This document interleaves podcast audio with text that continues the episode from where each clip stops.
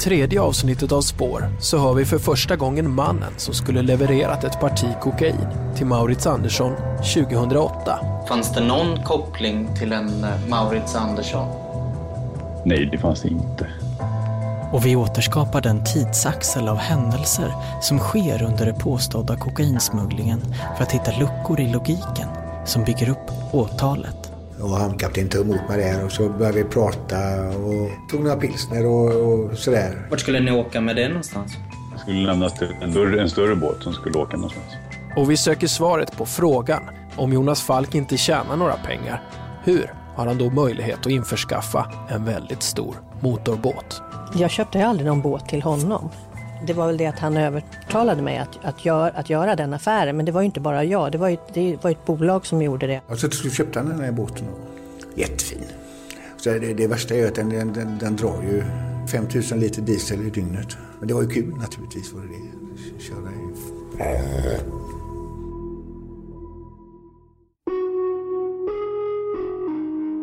Du lyssnar på Spår om Operation Playa, avsnitt 3. Jag heter Martin Jonsson. Och jag heter Anton Berg. Vi börjar med en rekapitulation. Genom beslagtagna datorer från kuriren Maurits Andersson har åklagaren kunnat nysta upp tre nya påstådda kokainsmugglingar som de initialt inte räknat med. Det gäller åren 2006, 2007 och 2008. Ja, det har varit ett otroligt pussel. Ett mycket roligt pussel också måste man säga. Väldigt roligt att pussla ihop de här olika händelserna. I vad som kommer bli till en kedja av indicier så menar åklagaren Karin Bergstrand att Jonas Falk och Maurits Andersson samarbetat sedan 2006 och tjänat miljoner på kokainsmuggling. Men Maurits Andersson är av en helt annan åsikt. såg inte ut i båten. Och jag menar, vattnet gick hela vägen upp till dynorna alltså. Bara förstå hur mycket vatten det har varit där. Hade det varit någon kokain eller någonting så hade det väl varit förstörd antar jag.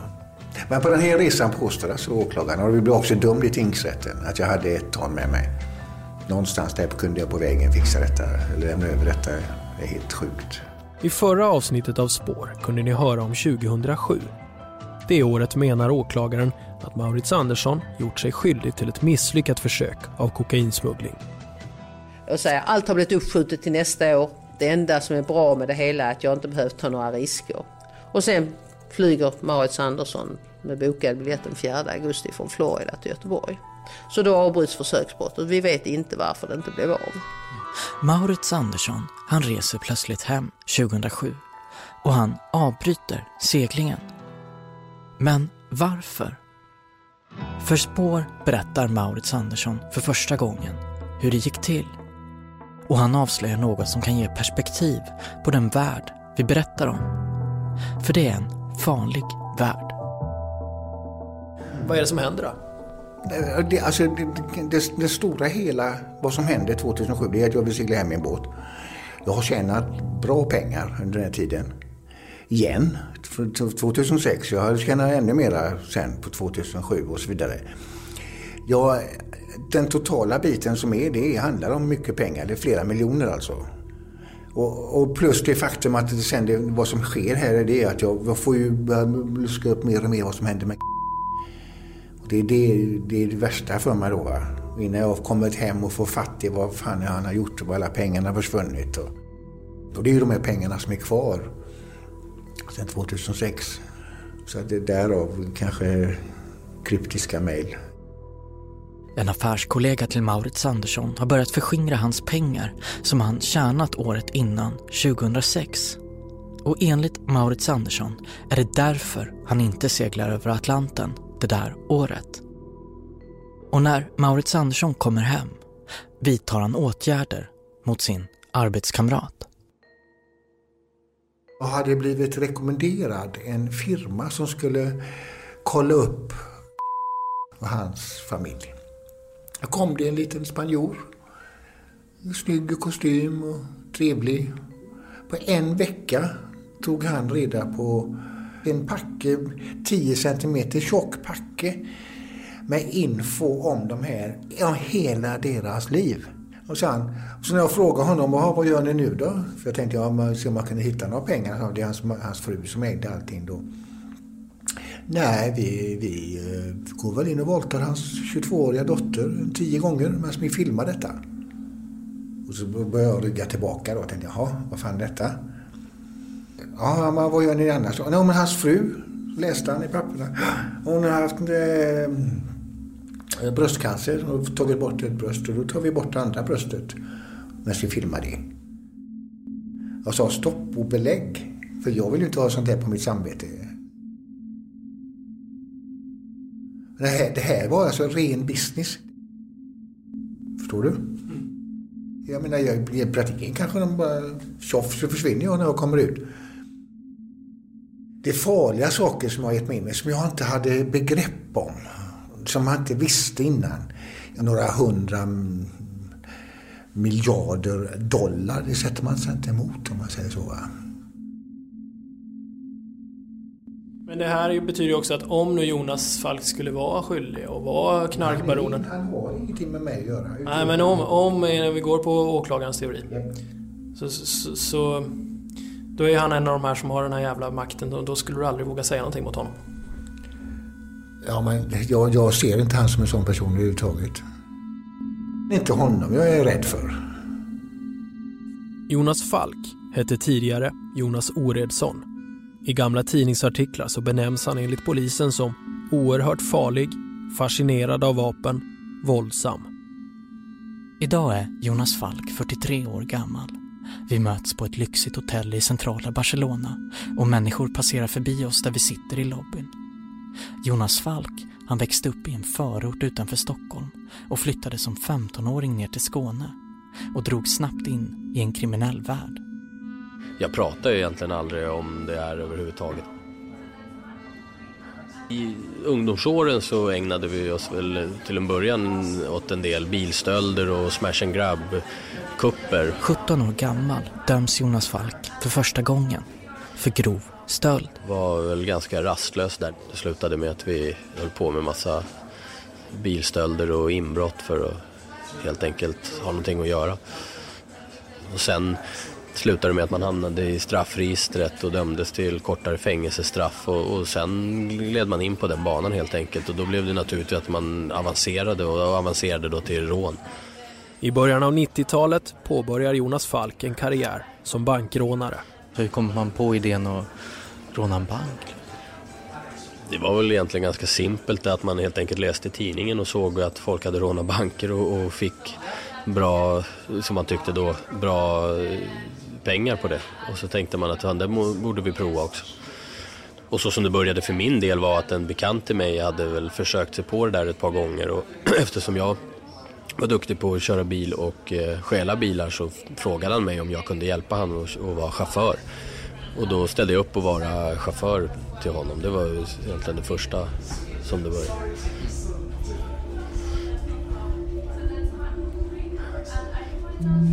Hur många rån begick du? Jag tror jag dömdes för fem kanske. Jonas Falk skulle kanske blivit bortglömd om det inte vore för det som händer sen. Efter att han blev dömd. Det är tre exceptionella händelser som alla inpräntat en bild av vad Jonas Falk kan vara kapabel till. Den 29 mars 1993 fritas Jonas Falk av en man beväpnad med hagelgevär från Hällbyanstalten. Mannen tvingar centralvakten att öppna dörren och åtta dagar senare begår Jonas Falk ett nytt bankrån beväpnad med en automatkarbin AK4. Och det här är alltså inte den enda fritagningen Jonas Falk varit med om. Ja, fritagningarna var eh, det var en fritagning från Hällbyanstalten och sen var det en fritagning från eh, Svea hovrätt, en förhandling och sen eh, var det en från en bevakad permission. Den 15 augusti 1995, efter att ha blivit dömd till tre rån av Södertälje tingsrätt, fritas Jonas Falk utanför hovrätten av en beväpnad man på motorcykel. För spår väljer Jonas Falk att berätta om den här fritagningen. Jag var dömd till åtta år i tingsrätten och eh, åtta år när man hade den åldern så var det en evighet och ville ut. När vi skulle gå ut så eh, kom jag ihåg att vakterna sa till mig att eh, nu har du chansen att springa. Och eh, jag sa till honom att eh, jag väntar någon minut för vi måste ha lite skottlossning så man lever upp till ryktet. Sen gick vi ner för trapporna och eh, så kom det en motorcykel till vänster och det de hade i huvudet naturligtvis var ju det jag hade sagt. Men när motorcykeln kom och rullade fram till oss så vart de direkt rädda och backade därifrån. Jag hoppade upp på motorcykeln och eh, så körde vi därifrån och körde ner för där vid eh, vattnet vid regeringskansliet där tror jag. Och sen var jag fri. Tre veckor senare begick Jonas Falk rån mot Sparbanken och Handelsbanken i Gustavsberg. Och det tredje och sista fritagningsförsöket sker den 8 januari 2001 under en kort permission från Hall. Då fritas Jonas Falk av beväpnade vänner med hagelgevär. Senare under rättegångarna om kokainsmugglingarna bedöms risken att Jonas Falk fritas så stor att säkerhetssalen i Stockholm används. Det finns polis i vänthallen och i rättssalen och uniformerad polis sitter bland åhörarna. Han anses vara så högt upp i den hierarki som råder bland fångar i svenska fängelser att den som hjälper honom kanske kan tjäna miljoner. Kort sagt, det svenska rättsväsendet känner väl till Jonas Falk. Så här säger kammaråklagaren Karin Bergstrand om Jonas Falks kriminella historia. Det är klart, de tidigare brottsligheten det var ju eh, grova rån. Men, men eh, att det är person med kriminell kapacitet. Det är ju ganska uppenbart i alla fall. Sen så är det ju naturligtvis frågan om hur det ska sättas i samband med narkotikahantering. För att det är ju det är olika typer av brottslighet. Men allting har ju pengar och vinning som syfte. Det är beträffande grova rån och beträffande narkotikabrott så är det ju vinningen som är syftet. Så att det är ju inte, det är inte främmande på något sätt. Men han hade en kapacitet, det är ganska uppenbart. Jonas Falk menar att han lämnat den här världen bakom sig. Det är ju ändå, vad blir det, 20, över 20 år sedan. Varför ska vi tro att du har lyckats ta, ta dig bort från det här? Men det här klassificerar jag mer som ungdomsbrottslighet. Så det som jag höll på med och jag dömdes när jag var 23 så att den perioden som jag höll på med det här det var ju ett, två år i stort sett. Det är inte så att jag höll på med det här i, varje dag i 15 år utan om man ser det på tidsmässigt så är det en ganska kort period som jag höll på med det. Sen fick jag sitta väldigt länge i fängelse. Sen är det naturligtvis så att om du har suttit väldigt länge i fängelse så känner du ju den typen av folk. Så att det blir ju också naturligtvis svårt för polisen att tro något annat när man har en umgängeskrets som, som har den bakgrunden. Och vissa som kanske fortfarande håller på med saker också. De här vännerna kommer att bli belastande för Jonas Falk i de kommande rättegångarna. För 2008 inträffar en rad händelser som åklagaren menar pekar på att Jonas Falk är inblandad i kokainsmugglingen.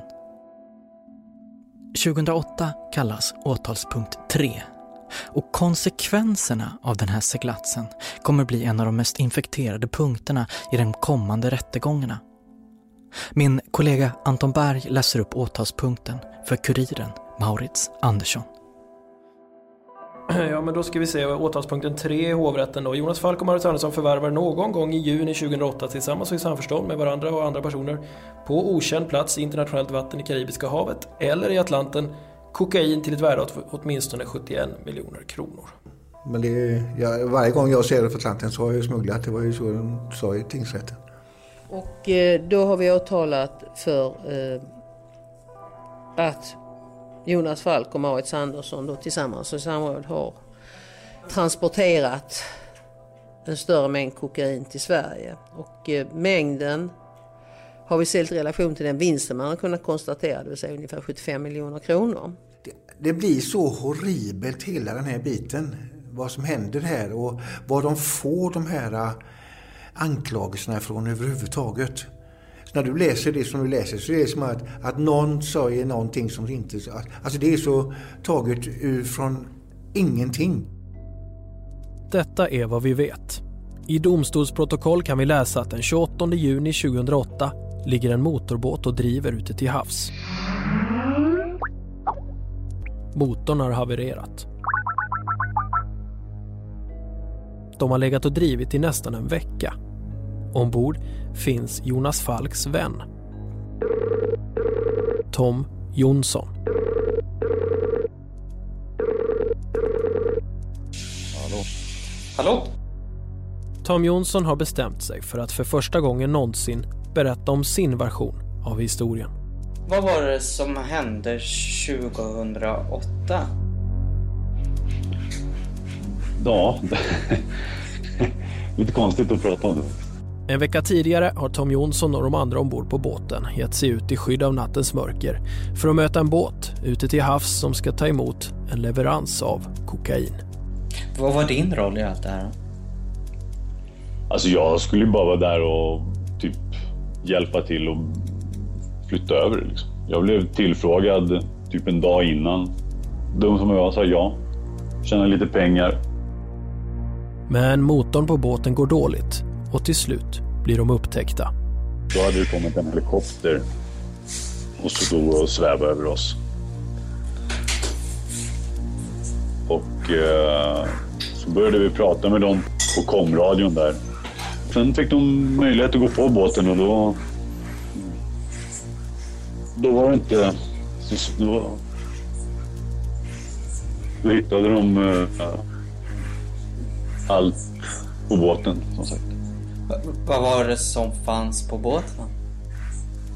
Ja, det fanns eh, 1,2 ton eh, kokain. På båten. Vart skulle ni åka med det någonstans? Skulle lämnas till en eh, större båt. En, eh, inte som fraktfartyg, men en större, en större båt som skulle åka någonstans. Du vet inte var? Nej. Det här vet vi också.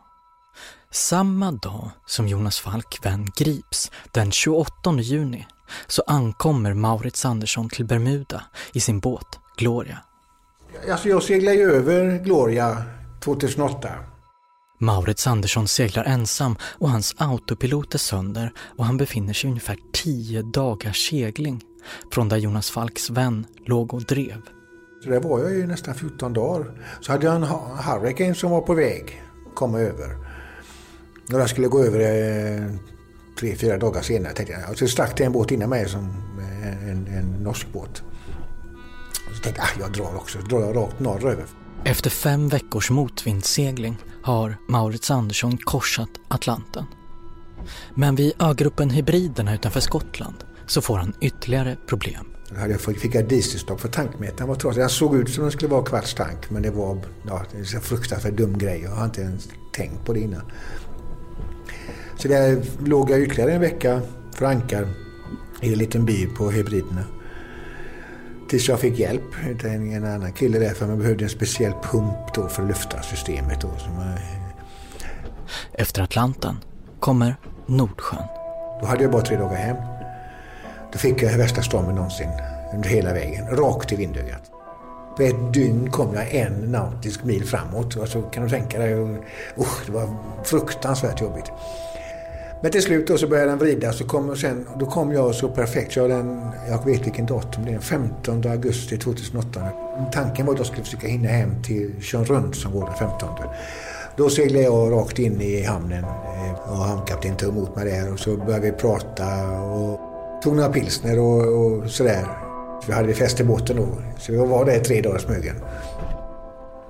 Det är alltså innan denna långa seglats som Maurits Andersson ska ha tagit emot ett parti kokain av Tom Jonsson. Gissa att man åkte runt och, och agerade någon kiosk där ute på havet och lämnade ifrån sig lite pö om pö till folk som bara stod och guppade där. Liksom. Enligt Tom Jonsson så gjorde han bara ett försök till leverans. Båten som de skulle leverera till dök aldrig upp och lasten blev kvar i Jonssons motorbåt. Den här uppgiften kan vi inte bekräfta. Vi har bara Tom Jonssons egen berättelse. Fanns det någon koppling till en eh, Maurits Andersson? Nej, det fanns det inte. Men känner du Maurits Andersson överhuvudtaget? Nej. Even on a budget, quality is non-negotiable. That's why Quince is the place to score high-end essentials at 50 to 80% less than similar brands. Get your hands on buttery soft cashmere sweaters from just 60 bucks, Italian leather jackets, and so much more. And the best part about Quince, they exclusively partner with factories committed to safe, ethical, and responsible manufacturing. Elevate your style without the elevated price tag with Quince. Go to quince.com slash upgrade for free shipping and 365-day returns. How would you like to look five years younger? In a clinical study, people that had volume added with Juvederm Voluma XC in the cheeks perceived themselves as looking five years younger at six months after treatment. Look younger, feel like you. Add volume for lift and contour in the cheeks with Juvederm Voluma XC. Reverse signs of aging by adding volume to smooth laugh lines with Juvederm Volure XC. For important safety information and to find a licensed specialist, visit juvederm.com. That's J U V E D E R M.com. Not for people with severe allergic reactions, allergies to lidocaine, or the proteins used in Juvederm. Common side effects include injection site redness, swelling, pain, tenderness, firmness, lumps, bumps, bruising, discoloration, or itching. There's a risk of unintentional injection into a blood vessel, which can cause vision abnormalities, blindness, stroke, temporary scabs, or scarring. Talk to a licensed specialist to find out if it's right for you.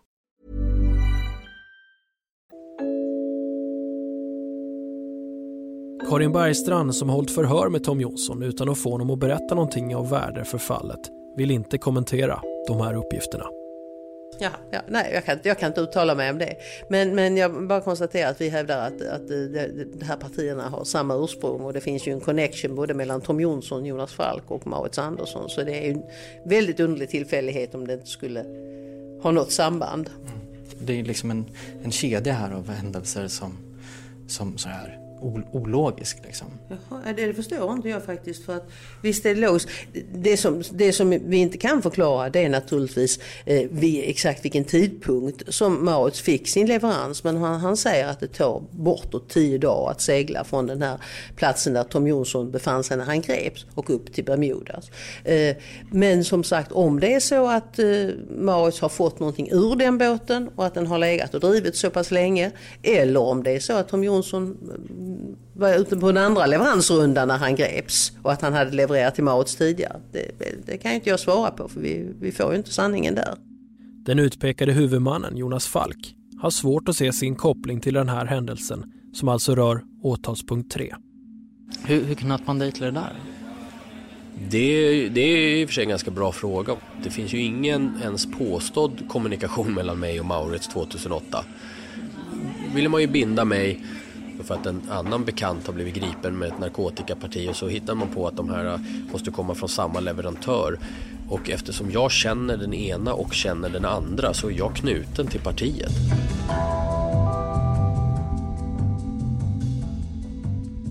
Så för att sammanfatta. Enligt åtalspunkt 3, alltså det som sker 2008, så ska Maurits Andersson tagit emot ett parti kokain värt över 75 miljoner kronor av Tom Jonsson. Men hur sannolikt är det egentligen? På vår hemsida kan ni gå in och se en karta över Västindien och Atlanten för att själva se var Tom Jonsson och Maurits Andersson befinner sig. I slutet av juni 2008 ligger Tom Jonsson och driver ombord på en motorbåt, enligt honom själv fullastad med 1,2 ton kokain, utan att någon kommer och hämtar upp partiet. Samma dag som han grips så ankommer Maurits Andersson till Bermuda, tio dagars segling därifrån, enkel väg. Och dessutom så är Maurits Anderssons autopilot sönder. En autopilot är en ensamseglars bästa vän och utan den är det nästintill omöjligt att segla själv. Så för att ha lyckats ta emot en leverans från Tom Jonsson så ska Maurits Andersson seglat vid rodret konstant eller under större delar av den här tiden. Och sen, vid Bermuda, så ska Maurits Andersson befunnit sig 14 dagar med båten fullastad med kokain innan han seglade till Hebriterna utanför Skottland. Och där fick han hjälp med motorn innan han senare ankom till hamnen vid Tjörn runt och där togs emot av hamnkaptenen.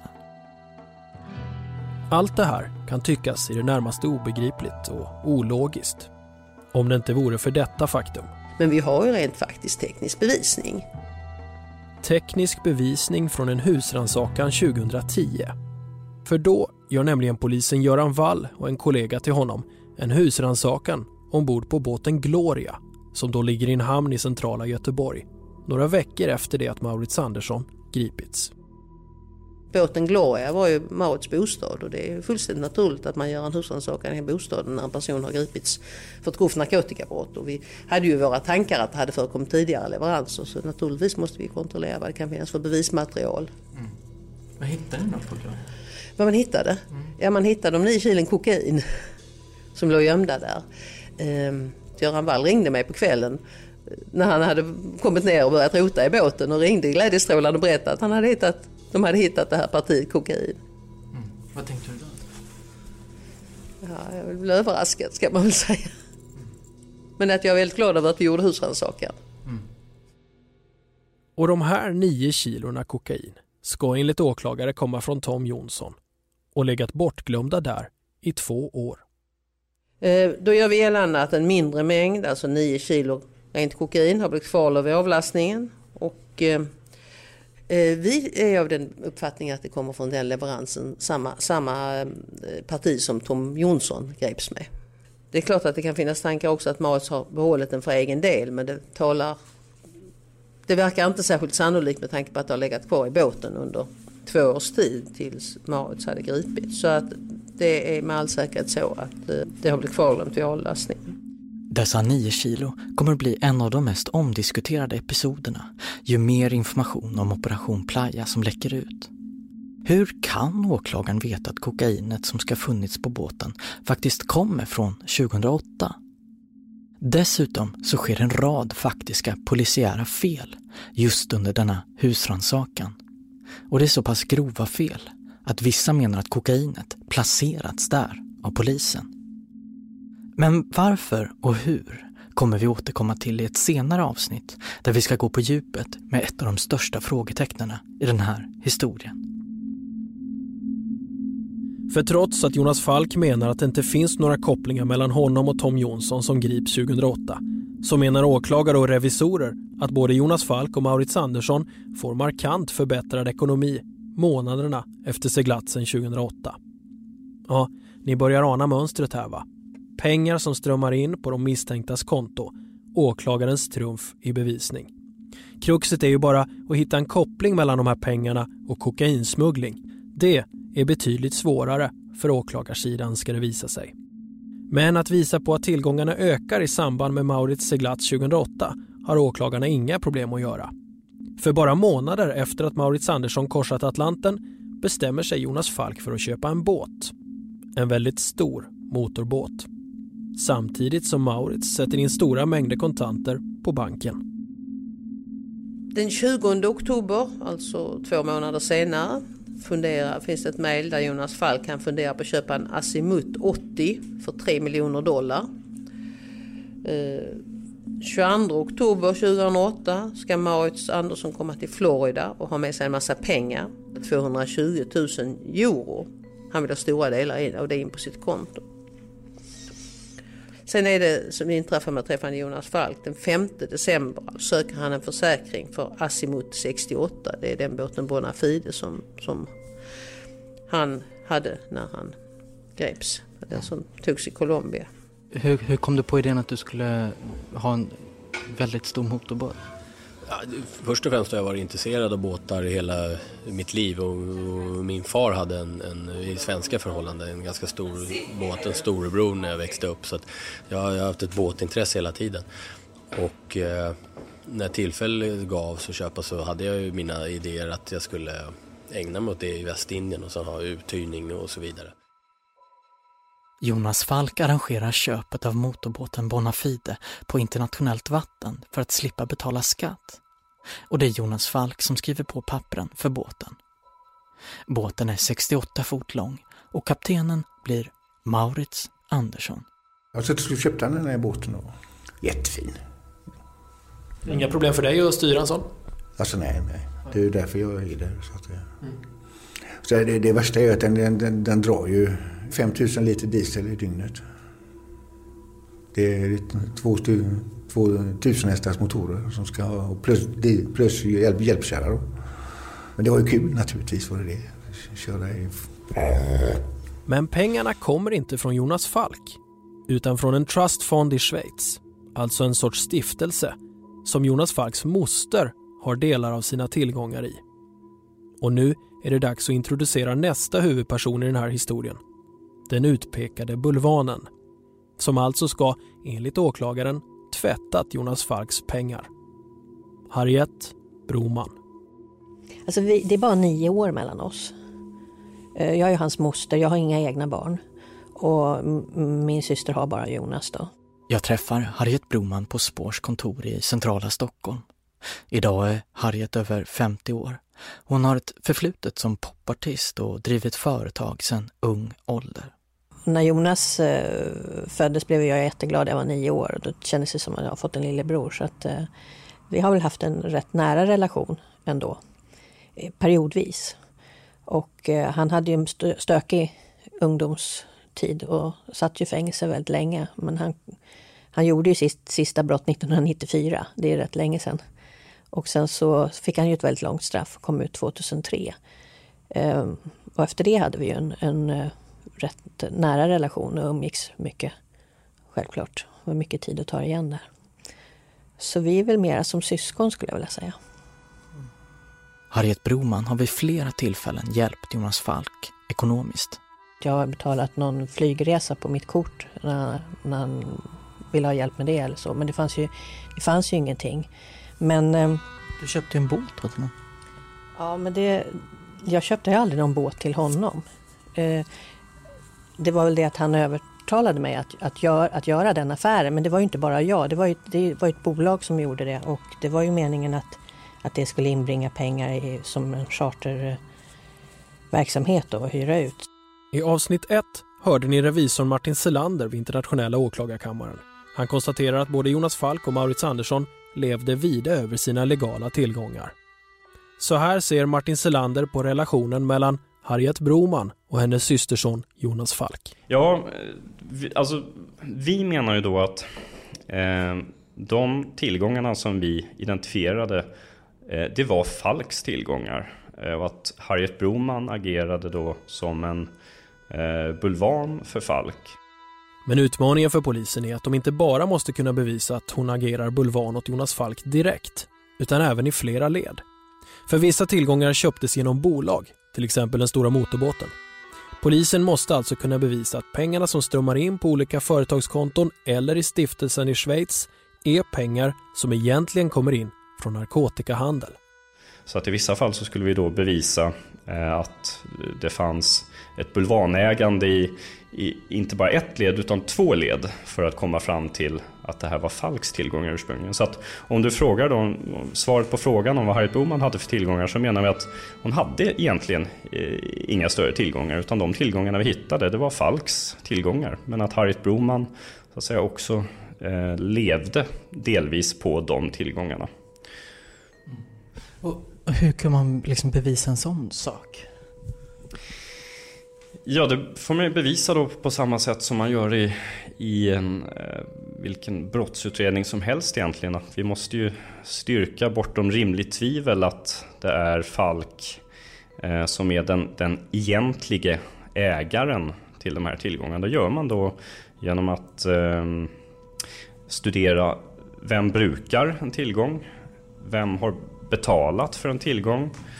Vem vem bestämmer över en tillgång? Alltså vem bestämmer vad som ska hända med eh, Eh, kontanter? Eller ehm, eh, vem bestämmer hur, hur, mycket som ska investeras i, i olika projekt och så vidare? Så här, den som använder något, till exempel en motorbåt, i tillräckligt stor utsträckning, till exempel trots att de inte betalat för den, är den egentliga ägaren. Och det här kommer bli en omdiskuterad punkt i de kommande rättegångarna. För betyder det att man äger ett hus och man bor i det i några veckor? Det var väldigt mycket kontoanalyser, framförallt då på eh, Harriet Bromans konton här i Sverige, hennes bolags konton här i Sverige. Eh, konton som fanns då på andra ställen i världen. Cypern, Estland, Spanien, eh, Schweiz inte minst, de här trustkontona. Och eh, det kombinerat då med uppgifter från telefonavlyssningen så när man lägger ihop eh, den stora bilden så menar vi att eh, det stod klart att det här var eh, Falks tillgångar. Men det finns en brist i polisens utredning. Det finns inga penningströmmar direkt mellan Jonas Falk och Harriet Broman. Inga alls. De har fått för sig att Jonas är smugglar narkotika men de har inte hittat några pengar i anslutning till Jonas och där är de ju ute efter pengar för, för har de inga pengar så blir det svårt.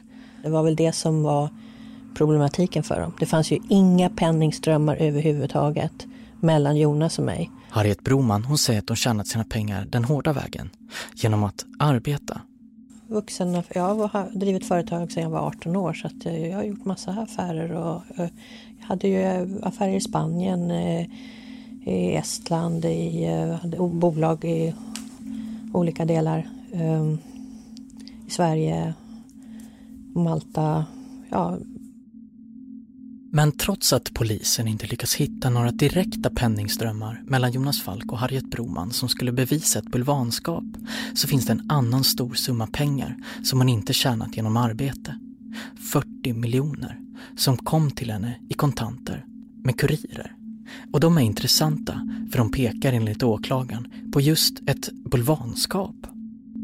I förhör kan man läsa att Harriet Broman säger att hon fått de pengarna från en engelsk man som hon har haft ett förhållande med mellan 1996 och 2006. Pengarna ska hon ha fått som kompensation för de uppoffringar hon tvingas göra i relationen och betalades ut i kontanter. Och hur stora är de summorna? Ja, alltså det kunde röra sig om Alltifrån allt ifrån 50 000 euro upp till 200 300 000 euro. Jag tror vi hade till exempel på upp till 600 000 euro per tillfälle så att säga som man då kom med i kontanter och stoppar in på konton i Schweiz. I förhör kallas expojkvännen Daddy.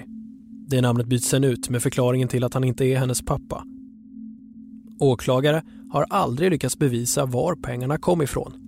De har inga bevis för att det är Jonas Falks pengar. De har bara konstaterat att Harriet Broman satt in pengarna. Harriet Broman och jag pratar om mycket. Egentligen hela fallet i stor detalj. Men just denna bit är det enda hon inte vill kommentera. Det har jag valt hela tiden att inte prata så mycket om men, men, eh, men jag har gjort olika affärer. Jag hade lånat ihop och jag eh, eh kan vi avbryta lite? Jag träffar Harriet Broman ytterligare en gång och ställer då frågan om var pengarna kommer ifrån, igen. Du, de här pengarna som ska komma från en, en eh, gammal pojkvän till dig från England då, vad är det för någonting? Ja, det är, det är sådana saker som jag har valt att inte prata om. Mer än att jag har berättat det och min förvaltare har berättat och, och det har ingenting med Sverige att göra överhuvudtaget. Varför vill du inte prata om det? För därför att jag har valt att inte prata om det och jag har valt att inte prata om andra människor för att jag inte vill att de ska hamna i, i under hela rättegången. Jag vill inte att de skulle hamna i den här rättegången, den här smutsiga rättegången som handlar om narkotika och, och väldigt allvarlig brottslighet jag vet ju vad som har hänt och det som handlar om mig och mina pengar vet jag har ingenting med narkotika överhuvudtaget att göra. Det var någon smuggling av narkotika 2006 och 2008 och det har inte tjänats några pengar 2006 och 2008 så spelar det väl ingen roll vad jag gör för affär eller var mina pengar kommer ifrån. De kan väl komma från Kalle Anka i så fall för det har ju inte med saken att göra. För jag är inte åtalad för att några pengar eller gjort något fel i förhören. Det var inte det jag var åtalad för. Jag var åtalad för att ha eh, varit bulvan åt Jonas. Men åklagaren har alltså en tes om att det är Jonas pengar som Harriet förvaltar. Men var får då Jonas sina pengar ifrån? Du sa tidigare frågan är då var Jonas Falk får sina pengar ifrån. Var, får han sina, var fick han sina pengar ifrån? Ja, det är väl egentligen också en fråga för, för eh, Jonas Falk. I nästa avsnitt av Spår Den 19 juli klockan 11.03 europeisk tid, då står det i ämnesraden. Maurits skickar detta, Elvis har åkt. Och sen fem minuter senare efter det här så skickar Andreas Niklasson ett sms till Jonas Falk och säger Elvis har släppt the building och tjejerna har hört av sig på 12 timmar. Åker hem idag, åter i augusti. Bevisbördan ligger alltid hos åklagaren. Det är Karin Bergstrand som ska bevisa att Jonas Falk tjänar pengar på att smuggla kokain. Men vad säger då Jonas Falk själv? Var har du fått dina pengar ifrån då, Jonas? Jag har ägnat mig åt penningutlåning och det är inte olagligt. Däremot så kan man kanske kalla det som att det är någonstans i gråzonen för det är ingen normal verksamhet. Men det är ju inte en brottslig verksamhet. Sommaren 2009 kommer också Karin Bergstrand ta in nästa del av sin arsenal för att komma nära Jonas Falk. Undercover, agenter. Så det skickades agenter ner till Spanien för att infiltrera, för att komma nära Jonas Falk helt enkelt. Och hur tycker du att det gick? Det gick inte alls bra. De hade ett sätt att prata på som jag nu på, i efterhand förstår att de kanske tror att kriminella uttrycker sig på, på, på ett sådant sätt. Mycket slang var det. Ja. Och Spår har en exklusiv intervju med mannen som dömdes för att ha varit koordinator. Han har aldrig tidigare pratat med media. Vad är det ni räcker över till honom då? Det är en påse. Vad är det i påsen då? Mobiltelefon. Till vad då? Till att ha kontakt med. För? För att prata om den här grejen. På Spårs hemsida hittar ni mer information. www.sparpodcast.com Här kan man se bilder på personer, platser som är viktiga i historien, de är utmärkta på en karta. Kort sagt, det här är en hemsida som gör att det är enklare att hänga med i Operation Playa. Här kan ni också kontakta oss som gör programmet om ni vill fråga eller tipsa oss. Vi finns också på sociala medier under hashtaggen Operation Playa. Spår görs av produktionsbolagen A1 och Ljudbang i samarbete med Acast.